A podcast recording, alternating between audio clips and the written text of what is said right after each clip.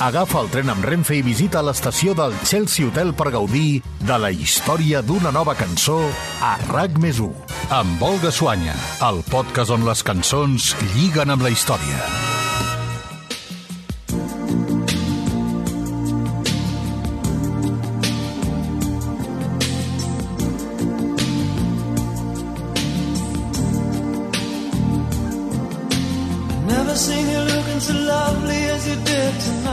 Hi ha músics que, tot i no tenir un gran nombre de seguidors incondicionals ni destacar per una discografia plena d'èxits, han aconseguit mantenir-se actius al llarg del temps. És el cas de Chris de Burgh, un compositor que molts només recorden tal tema amb què va fer fortuna a mitjans dels 80, una balada romàntica llançada a l'estiu de 1986 i que es va convertir en tot un número 1 internacional. En aquest episodi del podcast del Chelsea Hotel ens deixarem endur per aquesta peça melòdica per resseguir la història d'aquesta cançó que segur que ja heu identificat.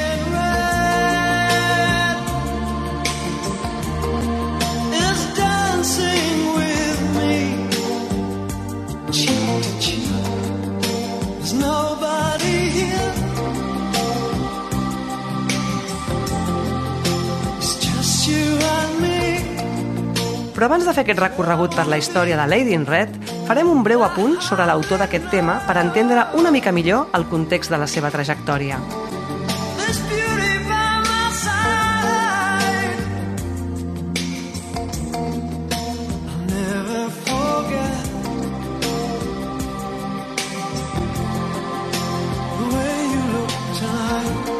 Fill d'un diplomàtic britànic i una secretària irlandesa d'una nissaga distingida, Chris de Burgh va néixer el 1948 a l'Argentina com a Christopher John Davison. Després de voltar per diferents països, seguint les destinacions que li encomanaven el seu pare, sent ell un adolescent, es va instal·lar amb la seva família en un castell del segle XII situat al sud-est d'Irlanda.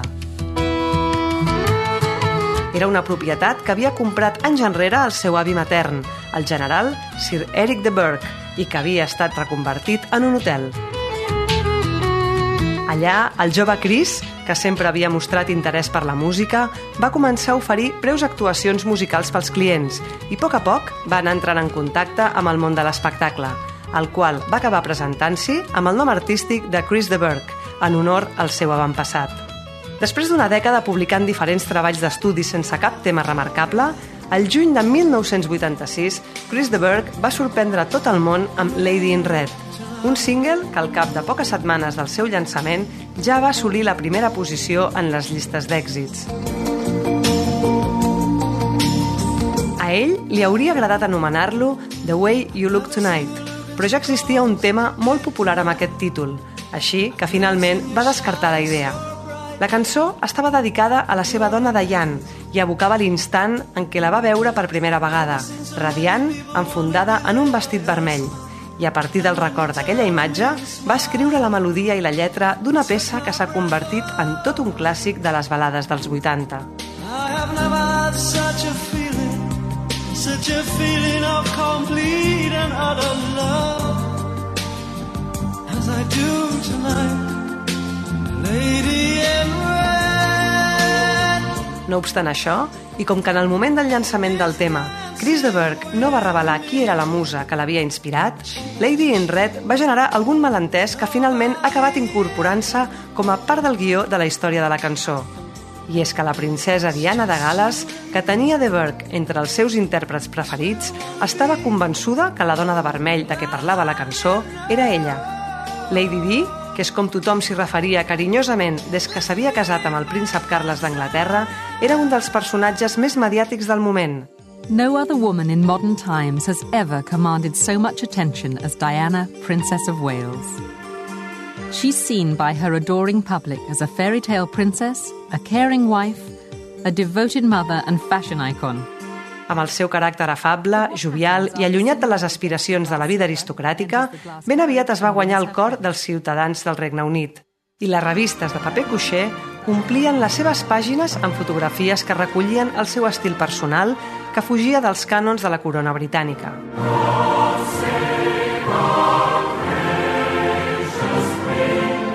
La seva manera de vestir va marcar tota una època i fascinava dones de tot el món que s'inspiraven en els seus models, ja fossin de carrer o de gala.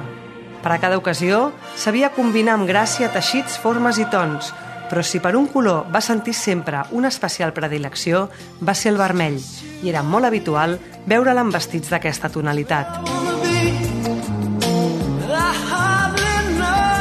Convençuda que havia estat la font d'inspiració de la balada sobre la dona de vermell que triomfava arreu del món, Lady Di va voler donar les gràcies personalment a Chris de Burgh que li hagués dedicat aquella cançó tan bonica. Així que en un dels seus concerts, acabada l'actuació, la princesa va acostar-se al backstage per transmetre-li el seu agraïment. El músic es va sentir molt afalagat per les seves paraules, però no va tenir més remei que confessar-li que la protagonista de Lady in Red no era ella, sinó la seva dona, que casualment tenia un nom molt semblant al seu.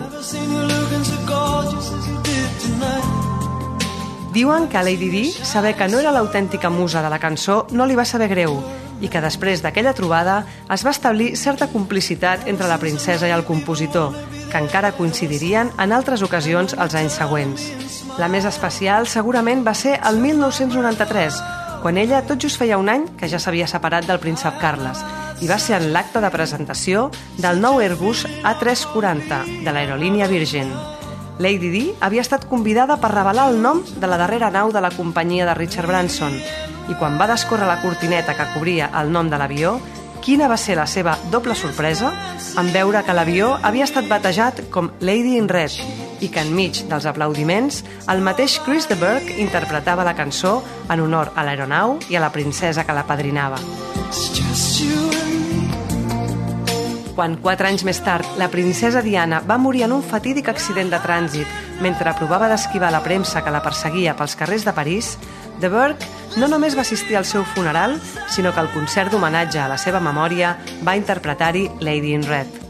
Potser no va ser ella la dona vestida de vermell que va inspirar la cançó, però segur que la dona de Chris de Burgh no li importa compartir amb qui va ser una de les figures femenines més destacades dels 80 i 90 la balada que el seu marit li va dedicar fa més de tres dècades. The way you look tonight